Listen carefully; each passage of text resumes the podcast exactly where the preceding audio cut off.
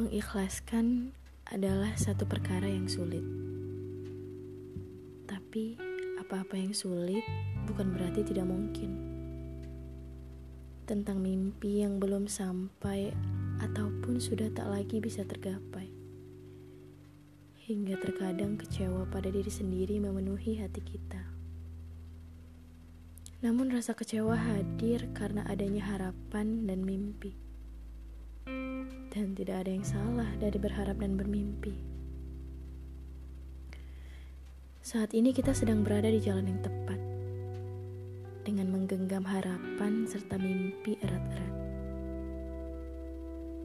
Tak perlu resah tentang seberapa lama harapan dan mimpi kita akan berlabuh.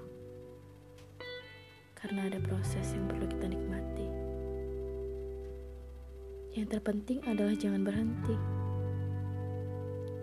karena mimpimu terlalu hebat untuk kau harus menyerah.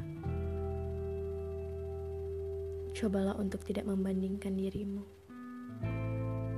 karena kita semua punya alur cerita hidup kita masing-masing, dan kita semua tidak sedang berada di naskah cerita yang sama. Untukmu yang saat ini sedang berjuang untuk harapan serta mimpimu, jangan menyerah ya.